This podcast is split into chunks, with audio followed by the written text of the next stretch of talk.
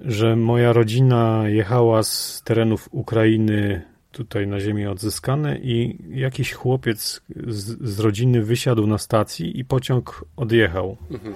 I po prostu no, ten, ten chłopiec zaginął na ileś tam lat i nie było wtedy tak.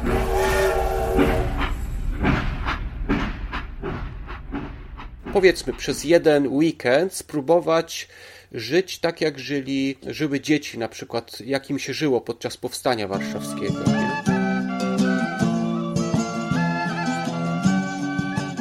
Witam Was w podcaście Historia Polski dla dzieci. Dzisiaj będziemy mówić o powstaniu warszawskim, ale w troszeczkę inny sposób. Chciałbym e, powiedzieć o powstaniu warszawskim, porozmawiać na temat tej kwestii, jak powstanie warszawskie, czego nas uczy w kwestii tego, jak my moglibyśmy się przygotować, kiedy przyjdzie jakiś kataklizm, kiedy przyjdzie wojna, kiedy przyjdzie kiedy pojawi się jakiś y, duży problem, jak rodzice, jak dzieci mogliby się przygotować, czego my się y, uczymy z tego, co się wydarzyło właśnie w 1944 roku, kiedy wybuchło Powstanie Warszawskie. Ale zanim może przejdziemy do tej treści, chciałbym przedstawić mojego gościa. Jest to Bartosz Adamiak z podcastu Preppers Podcast. Witaj Bartoszu. Witaj, cześć Piotrze. E, ty się zajmujesz preparingiem, nagrywasz też o tym podcast, czyli zajmujesz się kwestią tego, jak my moglibyśmy się przygotować na coś niespodziewanego, co się zdarzy w przyszłości. Czymś takim niespodziewanym może być właśnie e, jakaś wojna, może być, nie wiem, powódź, trzęsienie ziemi, mhm. czy jakieś tego typu rzeczy. I spotkaliśmy się dzisiaj właśnie w tym celu, żeby omówić powstanie warszawskie pod kątem właśnie czego mogłoby nas ono nauczyć. I tak chciałem Ciebie najpierw zapytać w kwestii tego y, Twoich własnych dzieci. Czy Ty pomagasz swoim dzieciom przygotować się może na, mm, na jakiś kataklizm? Czy rozmawiacie o tych rzeczach? Y, to znaczy, to jest tak, że ja sam jakby przygotowując się, od razu automatycznie zada, zadaję sobie pytanie, co w, te, co w takiej sytuacji z dziećmi, nie? Na przykład coś się wydarzy mhm. i co z dzieciakami.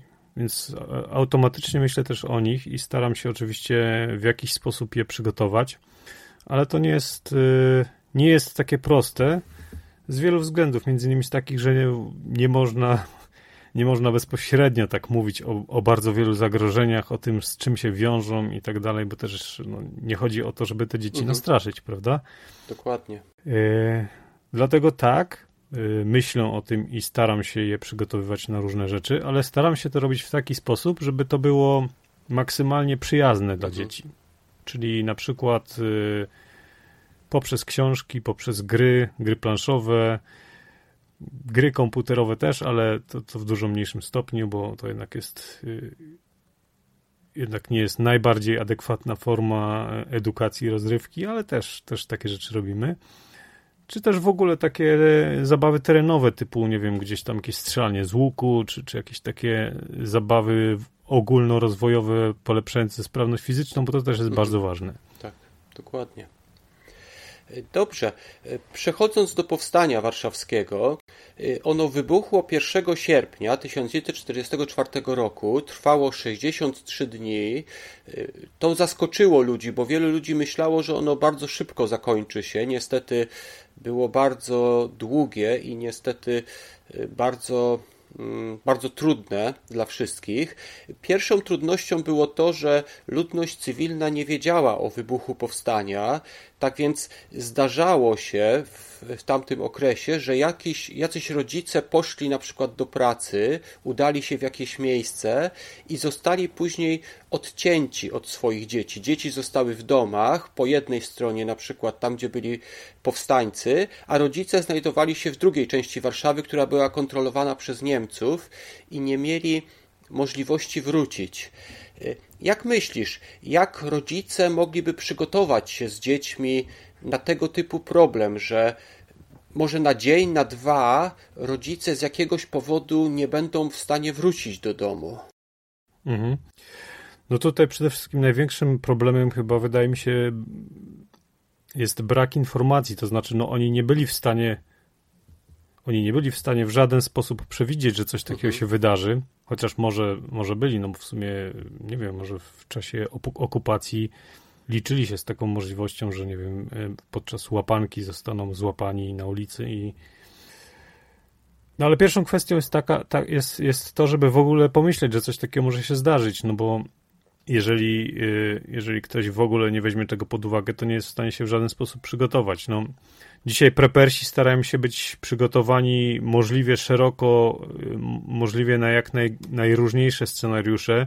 Nie mówi się o przygotowaniu na na przykład y, na wojnę, o przygotowaniu na coś tam, tylko używamy takiego skrótu anglojęzycznego SHTF, który gdybyśmy chcieli przetłumaczyć na polski, to to ten skrót nie byłby zbyt odpowiedni do e, podawania w e, podcaście, którego słuchają też dzieci, ponieważ jest tam brzydkie słowo, ale chodzi o to, że o to, że kubka trafia w wentylator. To jest takie ogólne określenie, ogólne określenie każdej dowolnej sytuacji, która może się zdarzyć. No i teraz, e, jeżeli, jeżeli ktoś chciałby przygotować swoje dzieci na, na właśnie te, tego rodzaju sytuacje, znaczy, zacznijmy od tego, że jeżeli ktoś już byłby świadom tego, że jest taka potrzeba, no to już jest dużo prościej, tak? I, mhm. no i kwestia jest tego opracowania jakichś, jakichś działań, które ewentualnie mogłoby to dziecko podjąć i nauczenia go. Czyli na przykład, nie wiem, jeżeli e, rodzic wyszedł z domu, dziecko zostało samo i po pewnym czasie ten rodzic nie wraca, tutaj należałoby pewnie ustalić, po, jakimś, po jakim czasie to dziecko powinno się niepokoić. To naj, najprościej byłoby powiedzieć, że wracam o tej i o tej godzinie. Jeżeli bym nie, nie, nie będzie mnie przez 30 minut, no to spróbuj skontaktować się z kimś. Na przykład dzisiaj byśmy mhm. tak mogli powiedzieć. W, czasie, kiedy było powstanie, pewnie nie było to takie proste, bo nie było tak powszechnej telefonii. No ale dzisiaj podejrzewam, że, że moglibyśmy taką najprostszą rzeczą byłoby nauczyć dziecko y, korzystanie z telefonów i zostawienie jakichś ważnych numerów, na przykład do jakiejś rodziny, do cioci, wujka, y, i poinstruować dziecko, aby w, w razie takiej sytuacji nawiązało kontakt mhm. z kimś z rodziny. Na wypadek jakichś dłuższych, y, dłuższych y, nieobecności, gdzie nie bylibyśmy w stanie wrócić do domu i no, no tak, tak, na taki najczarniejszy scenariusz powinniśmy też zadbać o to, żeby w domu było jakieś, jakieś jedzenie i, i picie też żeby to dziecko nie było tam pozostawione same sobie bez jedzenia i bez picia, no bo to też jest dość ważne. Mhm. Także to wydaje mi się takie absolutne podstawy, no można by to pewnie rozbudować o dużo więcej elementów, ale komunikacja i jakieś tam podstawy mhm. przeżycia. Tak. Tak sobie nawet myślę, że teraz w zasadzie, mimo że nie ma tutaj wojny w Europie, że coś takiego y, działo się, bo przecież na przykład bywały wypadki, gdzie rodzice, którzy na przykład pracowali w szpitalu, zostali y, narażeni na kontakt z wirusem i z tego powodu byli na kwarantannie mhm. i nie byli w stanie wrócić do domu. I, i dziecia, dzieci tak przypuszczam, że ci rodzice pewnie znaleźli jakąś opiekę zastępczą, poprosili, tak jak mówisz, wujka, ciocie czy, czy coś, ale wydaje mi się, że dobrze jest przygotować dzieci i nie wiem, powiedzieć im, yy, gdzie są rzeczy w domach, chyba też w miarę możliwości nauczyć dzieci może nawet ugotować sobie jakieś rzeczy, yy, chociażby w mhm. mikrofalówce, nie? Jakieś proste, proste rzeczy, żeby potrafiły sobie dzieci zrobić. Tak, no fajnie by było coś mieć coś takiego wybitnie na tą sytuację, że żeby dziecko nie musiało, powiedzmy, szukać w szafce i wymyślać, jakie danie można przyrządzić, tylko właśnie, żeby było coś dedykowane dla tego rodzaju sytuacji. Tak. No i to też oczywiście musiałoby spełniać takie warunki, że musiałoby być długo ważne. No niestety jedzenie, które jest długo, długo ważne, bardzo często też jest E, też nie jest jedzeniem takim gotowym do użycia, czyli to nie jest na przykład mrożona pizza, tylko chociaż akurat mrożona pizza byłaby o tyle dobra, że jest łatwa w przyrządzeniu i w zamrażarce dość długo wytrzyma. Mhm. Tak, tak. Przeważnie, przeważnie takie rzeczy, które się, które gromadzą prepersi, typu nie wiem, fasola w worku, no to nie jest łatwo zrobić z tego mhm. danie. Ale na takie sytuacje właśnie codzienne, gdzie, nie wiem, utkniemy w pracy albo w windzie się zatniemy, no to jakieś mrożonki, które można wsadzić do mikrofalówki na 10 minut i żeby dziecko to, to, to jakby się nauczyło to robić, to, to mhm. jest dobry tak. pomysł. Zwłaszcza, że mik- jeszcze, jeszcze tylko jedno zdanko, zwłaszcza, że mikrofalówka jest bezpieczna względnie, w przeciwieństwie do na przykład kuchenki Mhm, dokładnie. gazowej. Tak, tak. Czyli pierwsza taka rzecz, którą się nauczyć, w zasadzie należałoby powiedzieć dziecku, co ma zrobić, gdyby rodzice z jakiegoś powodu, na przykład dzisiaj z powodu kwarantanny, nie byli w stanie wrócić do domu, żeby dziecko wiedziało, gdzie znaleźć jedzenie, y, do, z kim się może skontaktować i powiedzieć, że rodzice jeszcze nie wrócili, czy przedstawić. Tak, no ten kontakt, ten kontakt chyba nawet na pierwszym miejscu bym wymienił, że, że to jest najważniejsze. Mhm, tak. Czyli, czyli to, jest, to jest taka pierwsza rzecz, którą y, uczymy się tutaj z powstania warszawskiego. Y, Inna tutaj kwestia y, to jest kwestia przemieszczania się.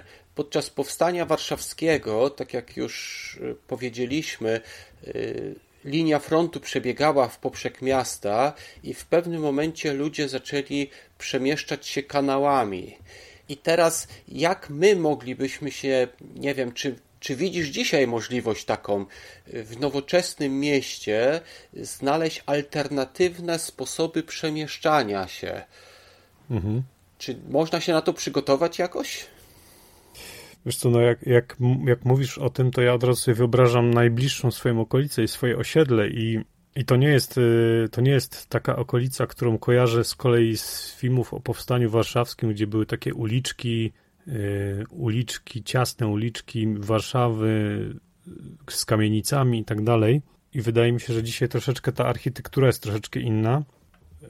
Jest też mnóstwo samochodów na ulicach i tak naprawdę da się przemieszczać po mieście w taki sposób, żeby nie rzucać się w oczy.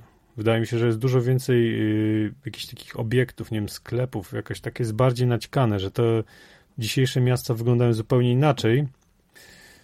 A z kolei z drugiej strony, nie wiem, skorzystanie właśnie z kanalizacji nie jest takie proste, Mhm. bo tam rzeczywiście w powstaniu wykorzystywane były po pierwsze kanały, a po drugie też były przebijane piwnice w budynkach i mo można było w takim ciągu kamienic przemieszczać się ileś, ileś pewnie ileś set metrów można było przejść piwnicami.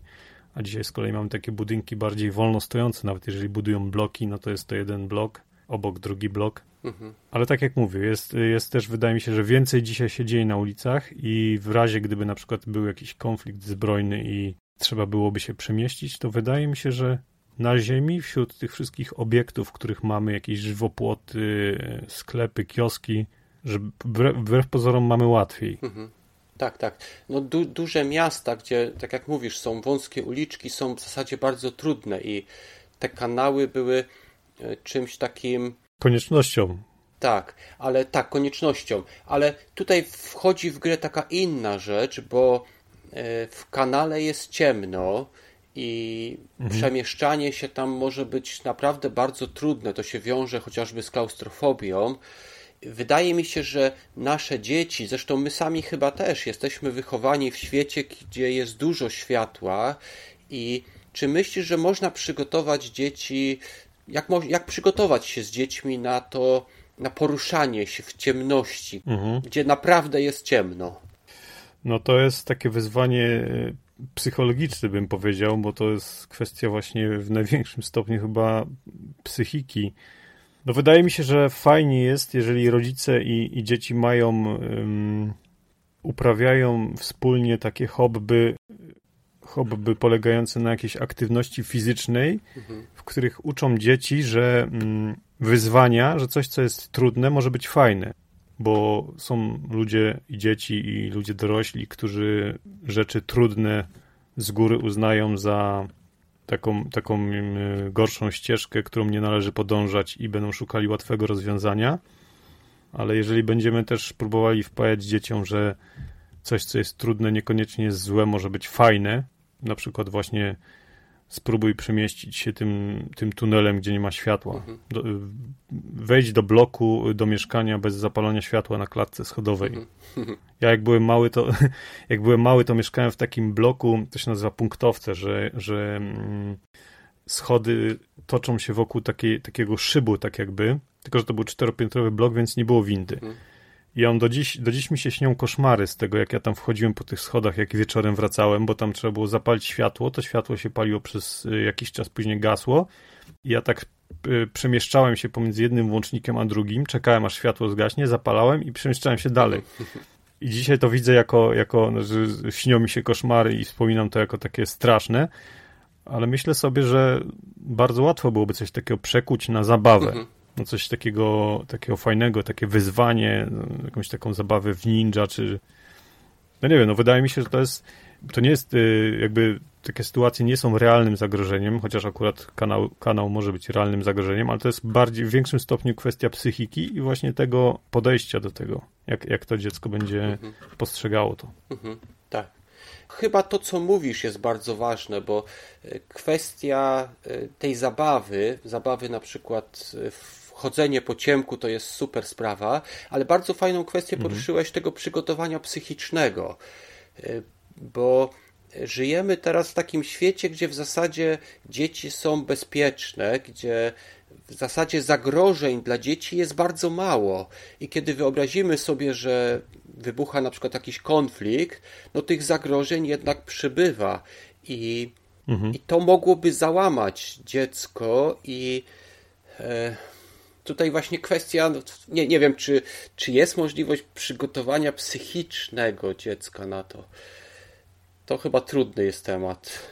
Wiesz co, to jest taki paradoks, y, wydaje mi się, że gdyby coś takiego się wydarzyło, jak, jak wojna czy coś w tym rodzaju, to myślę, że dużo lepiej radziłyby sobie dzieci z jakichś takich trudnych rodzin, które na co dzień obserwują przemoc, czy tam gdzieś się włóczą po nocach same. Mhm. Tak, tak zwana patologia, że oni są no może to głupio zabrzmi, że oni są lepiej przystosowani do takich ciężkich warunków. No i a z kolei my, chcąc być dobrą rodziną, chcąc być dobrze wychowywać dzieci, właśnie otaczamy je tym bezpieczeństwem. No, mhm. To wydaje mi się, że właśnie tylko też y, nie iść w tą stronę, że to w takim razie chcemy, żeby nasze dziecko było małym Rambo, więc zro, zrobimy w domu melinę narkotykową, tylko właśnie poprzez zabawę mhm pokazywać to, to te niebezpieczeństwa jako wyzwania. Takie w cudzysłowie niebezpieczeństwa. No. Mhm. Niekoniecznie narażać dziecko na realne niebezpieczeństwo, co raczej takie, takie symulowane. Mhm. Tak, tak. Za zachęcać może do wykonywania jakichś mhm. zadań, nagradzać dziecko, chwalić za to, jak wykona jakieś tak. zadanie, na przykład przejdzie po ciemku przez korytarz. Mhm. I teraz, teraz jest też kwestia tego, bo podczas powstania warszawskiego były te osoby, które ukrywały się i ukrywały się przez taki dość długi okres czasu, na przykład 4 czy 5 miesięcy niektórzy się ukrywali, musieli wtedy być bardzo cicho i jak myślisz, czy można by przygotować dzieci mi się wydaje, że to chyba jest najtrudniejsze, bo nasze dzieci często dzisiaj y, korzystają z komputerów, z laptopów, są przyzwyczajone do tego, że pewne rzeczy dostają zaraz, natychmiast, a mhm. teraz na przykład zamknięcie się w jakimś cich, ciemnym pomieszczeniu, czy takim półmroku i siedzenie tam na przykład przez miesiąc, bez żadnych rozrywek, czy można się do tego przygotować, czy można dziecko przygotować do tego? Znaczy przede wszystkim wydaje mi się, że ten problem to mają nie tylko dzieci, dzieci w większym stopniu, ale podejrzewam, że my wszyscy też mamy taki problem, e, że gdyby nas odciąć w tej chwili od internetu, od telefonu, nie wiem, załóżmy, że, że jest e, teraz ta, ten, ten, ta kwarantanna, która była i zepsuł nam się telefon, nie możemy iść do sklepu, kupić sobie nowego tak po prostu, tylko zostajemy bez telefonu. To myślę, że taki dorosły dzisiaj by zwariował. Mhm. I czy da się na to przygotować? No moim zdaniem da się, aczkolwiek wymaga to takiego odpowiedniego podejścia. Po prostu um, jeżeli ktoś nie chce, nie dopuszcza do siebie takiej możliwości, uznaje, że to jest niepotrzebne, no to raczej nie będzie w stanie się w żaden sposób przygotować, bo jego nastawienie będzie do tego zbyt negatywne. Ale wiesz, jest cała masa ludzi, którzy nie prepersów, ale oni się nazywają bushcrafterami, którzy jeżdżą na przykład do lasu na weekend i śpią w lesie w hamaku, mhm. na przykład w samotności, nie? W, samotna noc w lesie w hamaku. No to to jest... Y, ja się, ja się sam cały czas do tego przymierzam, mhm. bo już w polskich lasach można to robić, są wyznaczone strefy, gdzie można sobie pojechać i hamakować. Mhm. Mm, niestety pandemia mi pokrzyżowała plany i susza, bo na razie chyba nie można do lasów wchodzić. Ale no, to jest przykład takiej zabawy, która, y, która pozwala człowiekowi nie tyle przygotować się, co zobaczyć, za, zakosztować tego, tych innych rodzajów doznań, których później może. Bo najbardziej boimy się tego, czego nie znamy, nie? Mhm. Dokładnie. Więc jeżeli, jeżeli my, nie wiem, zatnie, że ktoś się boi, że się zatnie w windzie i będzie tam siedział całą dobę i kiedyś zdarzy mu się zacięcie w windzie, no to jego lęk prawdopodobnie, o ile nie umrze z głodu w tej windzie, to jego lęk później będzie słabszy, bo co nas nie zabije, to nas wzmocni, jest takie powiedzonko. Mhm. Także tak, wydaje mi się, że, że da się przygotować, tylko kwestia jest tego, żeby być na to otwartym na te nowe doświadczenia i próbować te, tego typu rzeczy różnych, jak na przykład właśnie bushcraftowanie. Mhm. Tak. Ja jak byłem młody, ja byłem w harcerstwie, y, tam się zdobywa... O, to też jest, to też jest świetna sprawa. Tak, no. tam się zdobywa takie y, odznaczenia, takie sprawności i jedno z tych sprawności, nie wiem czy znasz, trzy orle pióra, y, to są trzy dni się to robi. Pierwszego dnia nie możesz nic mówić, drugiego dnia mhm. nie możesz nic jeść i trzeciego dnia nie możesz z nikogo spotkać. Mhm. Czyli ten trzeci dzień to się idzie do lasu i ja zrobiłem tą sprawność, powiem ci, y, to trudne było, bo do tego lasu w tym możesz pójść, mając tylko to, co masz na sobie. Mhm. Czyli, czyli na przykład my tam robiliśmy to w ten sposób, że się owijaliśmy śpiworami, także miałeś śpiwór na sobie i w ten sposób mogłeś pójść do lasu, nie mając, nie wiem, żadnego plecaka, niczego tego typu, bo tak e, było w tym. I no przeżyłem w tym lesie, komary mnie tam pogryzły, ale, mhm. ale to było fajne doświadczenie.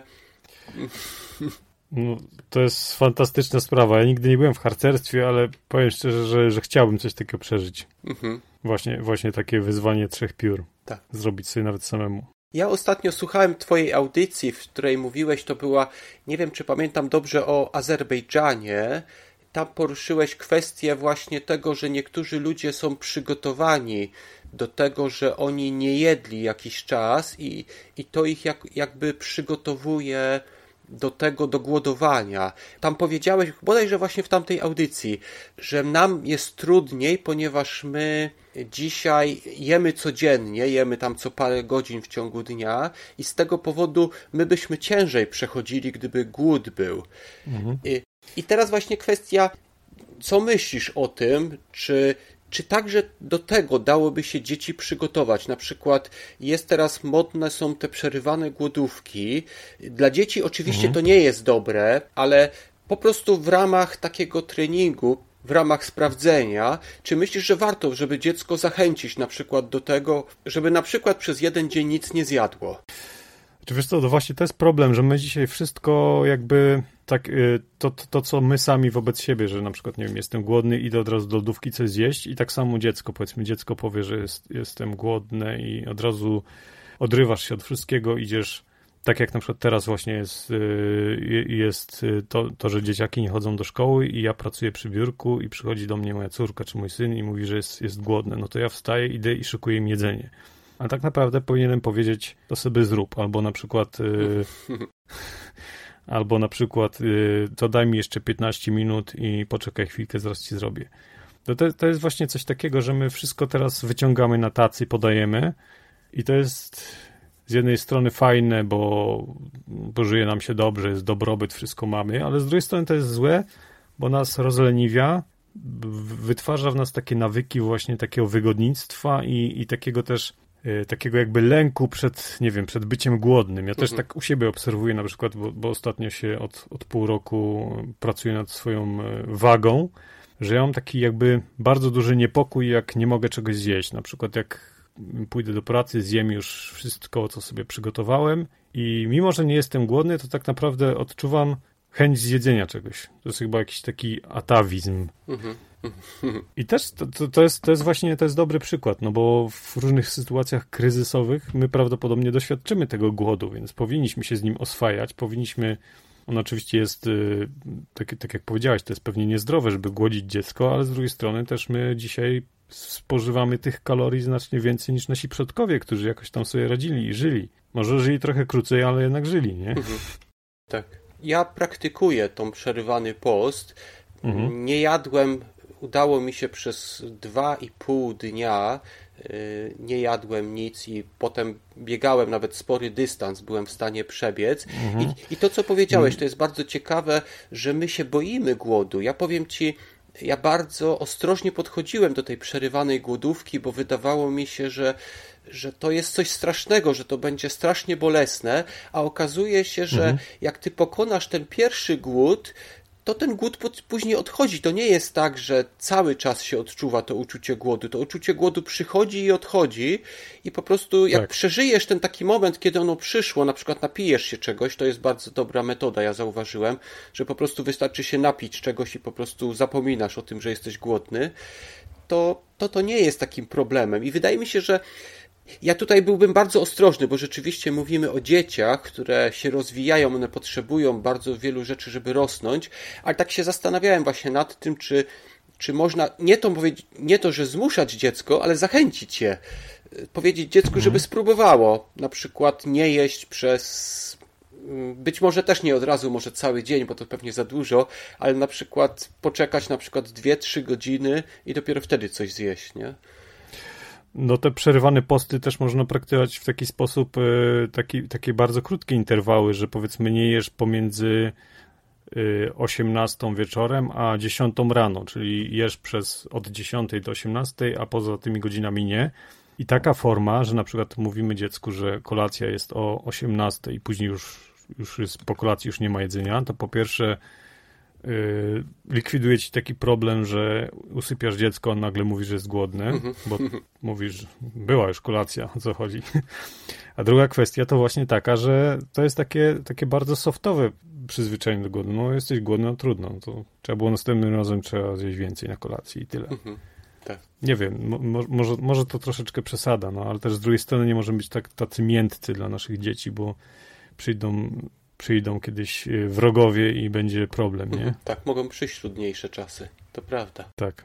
I idąc dalej w tym kierunku, y, bo podczas powstania warszawskiego ci ludzie, którzy ukrywali się, oni mieli brak wody, żywności, opału, lekarstw, y, musieli ukrywać się, maskować w ogóle swoje istnienie, że tam że żyją, mhm. czyli inaczej mówiąc, oni nie spali we własnych łóżkach, spali w jakichś bunkrach, być może w jakichś e, takich trudnych miejscach.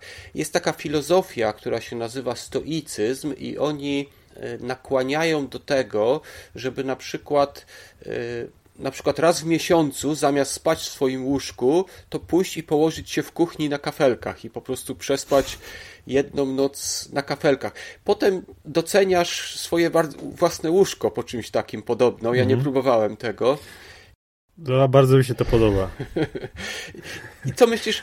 I, I, tu też, ja też nie mówię o tym pod kątem, żeby zmuszać dzieci, ale czy na przykład, czy warto byłoby zachęcić dzieci do tego, żeby na przykład spróbowały w swoim pokoju zamiast jednego dnia spać na tapczanie, y, pospać na przykład na podłodze, na dywanie, oczywiście w jakiś taki cieplejszy dzień, mhm. i, i w ten sposób też się przygotować może na jakieś niewygody. Jak myślisz, czy to mogłoby pomóc? Wiesz co, to jest, to ogólnie to jest fajny, fajny pomysł, mi się to bardzo podoba i ja bym to chętnie na, e, na sobie przetestował i, i jednocześnie chciałbym to pokazać w tym momencie moim dzieciom jako przykład i wytłumaczyć im o co w tym chodzi, ale też właśnie mój syn czasami miewa takie coś, że chce, że będzie spał tutaj na materacu na podłodze, tylko właśnie w pewnym przychodzi taka godzina, że on stwierdza, że jednak nie i wraca do łóżka. Ale to jest właśnie, to jest, to jest dobre, co mówisz, bo to, to może być y, właśnie przez to, że na przykład ja bym coś takiego robił i pokazał im, powiedział, że to jest taka rzecz, która temu służy, to być może właśnie zachęciłbym ich do tego, żeby, nie wiem, mhm. właśnie zrobili sobie szałas w pokoju i spali w tym szałasie. To jest bardzo fajna rzecz. Mhm. Tak, masz rację. Gdyby, gdyby rodzice dali przykład, to pewnie dzieci chętniej by to zrobiły. Mhm. I tak, tak, to, to mogłaby być ciekawa rzecz. I to jest, wydaje mi się, że fajne jest takie przygotowanie, tak jak ty wielokrotnie już wspominałeś, warto, żeby to zrobić z tego zabawę, czyli na przykład y, zapytać dziecko, czy byłoby w stanie przejść po ciemku przez korytarz. I Gdyby mhm. dziecko się tego podjęło, to pochwalić je, że to zrobiło. Czy może zachęcić tak. dziecko, żeby na przykład spróbowało nie jeść przez godzinę, dwie, trzy i też je później pochwalić za to. Czy, czy może właśnie mhm. dać przykład dziecku i nie wiem, spać na podłodze. Tak. W ogóle był taki film, bodajże Życie jest piękny był tytuł, taki włoski film z takim aktorem komediowym Roberto Benini chyba on się nazywał, nie wiem czy kojarzysz ten tak, film? Tak, tak, pamiętam. Mhm. To jest taki obozowy film i on tam był właśnie z swoim bodajże synem, oni byli Żydami włoskimi, byli, w, byli był ze swoim synem w obozie. I on w tym obozie cały czas odgrywał przed tym synem taką szopkę, mhm. E, żeby mu, żeby ukryć przed nim prawdę.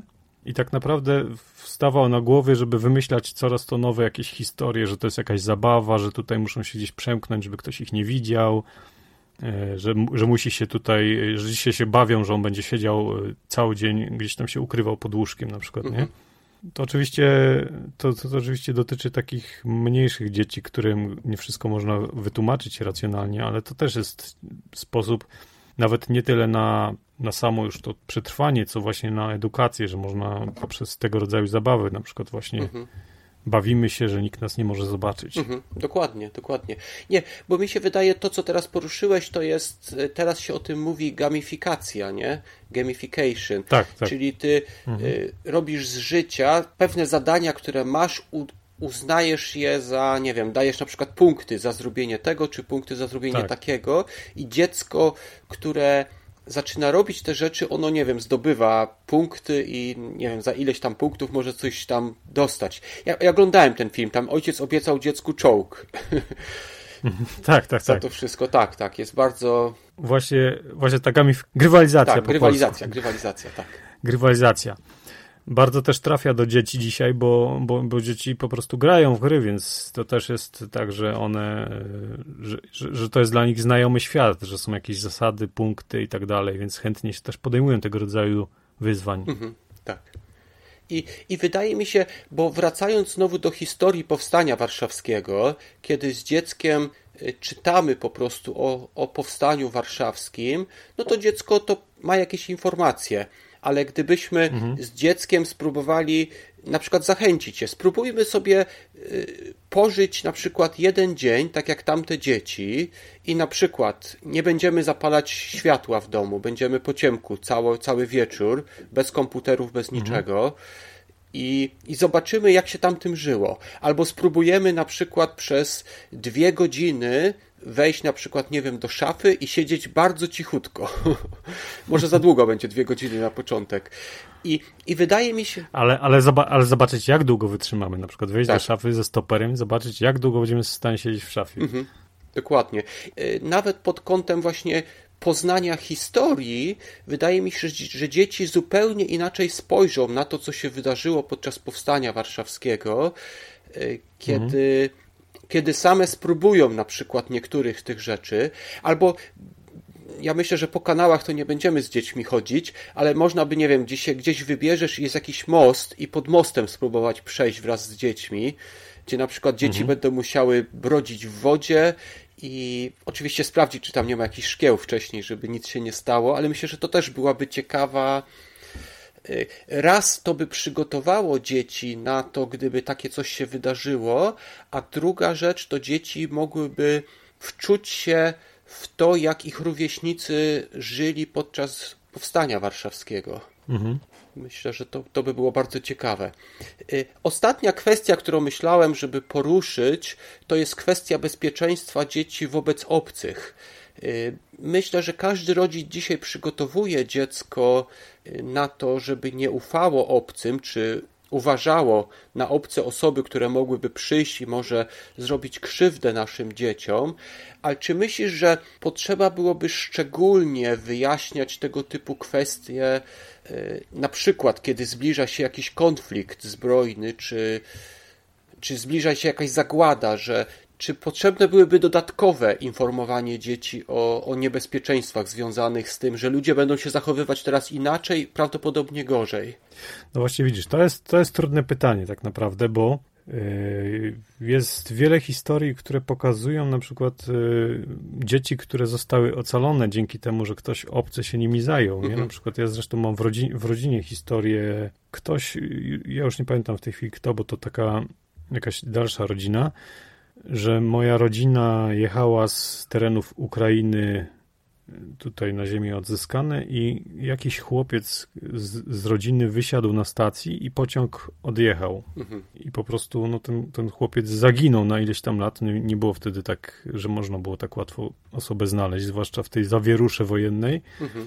No i ten chłopiec po prostu został przygarnięty przez jakąś rodzinę, żył z nią i gdzieś tam po latach się spotkali, odnaleźli się, no ale jednak mimo wszystko, mhm. zwłaszcza w czasie konfliktów zbrojnych, zdarza się tak, że, że ktoś obcy może się zająć dzieckiem i, i, i że to się może wszystko dobrze skończyć, chociaż oczywiście równie dobrze może się skończyć źle. Mhm.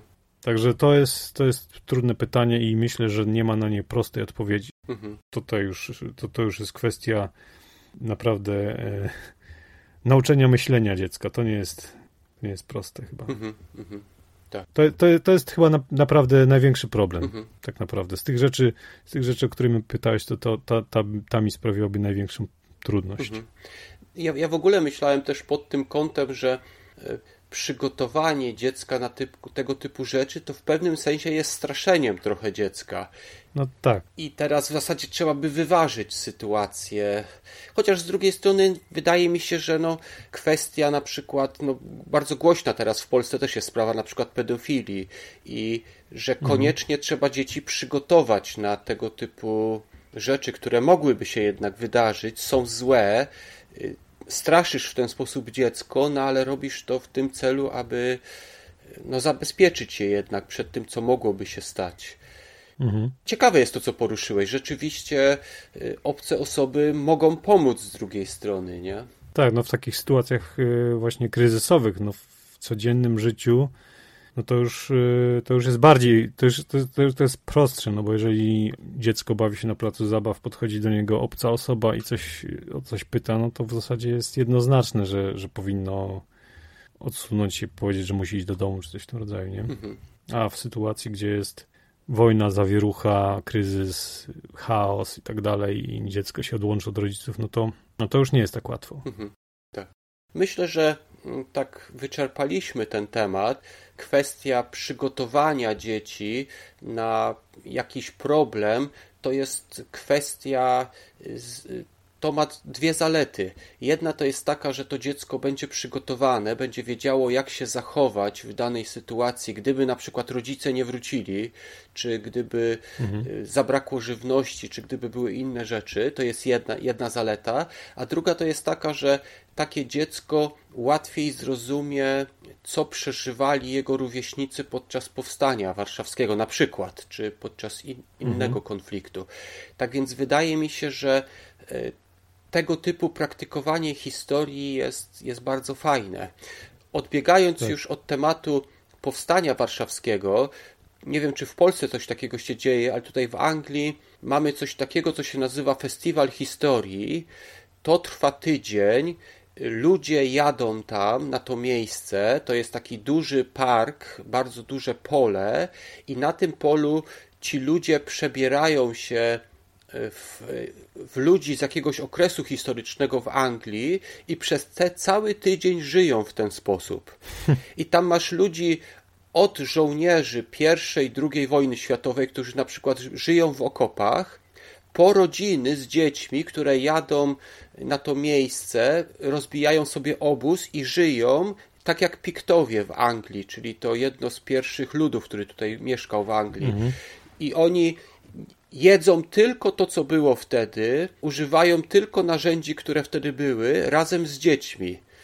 Żyją przez cały tydzień w ten sposób, co jest bardzo ciekawe. Mhm. Powiem ci, jak my, ja z moimi dziećmi byłem tam, to w jednym takim namiocie, gdzie, który był właśnie, chyba to chyba był właśnie Piktów, to rodziców akurat nie było i to dziecko, które tam było na miejscu, ono nam było w stanie wszystko dokładnie opowiedzieć, jak ci piktowie żyli, jakich narzędzi używali i moje dzieci były pod wielkim wrażeniem tamtego dziecka, mhm. dla którego ta historia to była żywa historia, bo to dziecko przez cały tydzień, być może nawet drugi czy trzeci rok z rzędu, żyło po prostu w ten sposób tą historią i na przykład ktoś mógłby spróbować upamiętnić powstanie warszawskie razem ze swoimi dziećmi w ten sposób, że na przykład spróbowałby powiedzmy przez jeden weekend spróbować żyć tak, jak żyli, żyły dzieci, na przykład jak im się żyło podczas powstania warszawskiego, nie?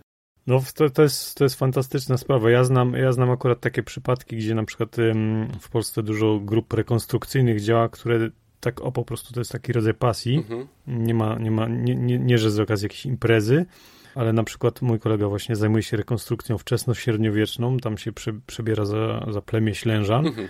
I wiem, że oprócz tego, że oni gdzieś tam sobie jeżdżą na imprezy, gdzie odtwarzają jakieś bitwy, walki, takie pokazy robią, to na przykład jeżdżą sobie właśnie z rodzinami na gdzieś tam w pole, w teren, rozbijają sobie obóz w lesie i też właśnie żyją w taki sposób jak y, no te, te grupy, które oni odtwarzają, mhm. czyli w tym przypadku akurat Ślężan. Mhm. No tak, no to jest super sprawa.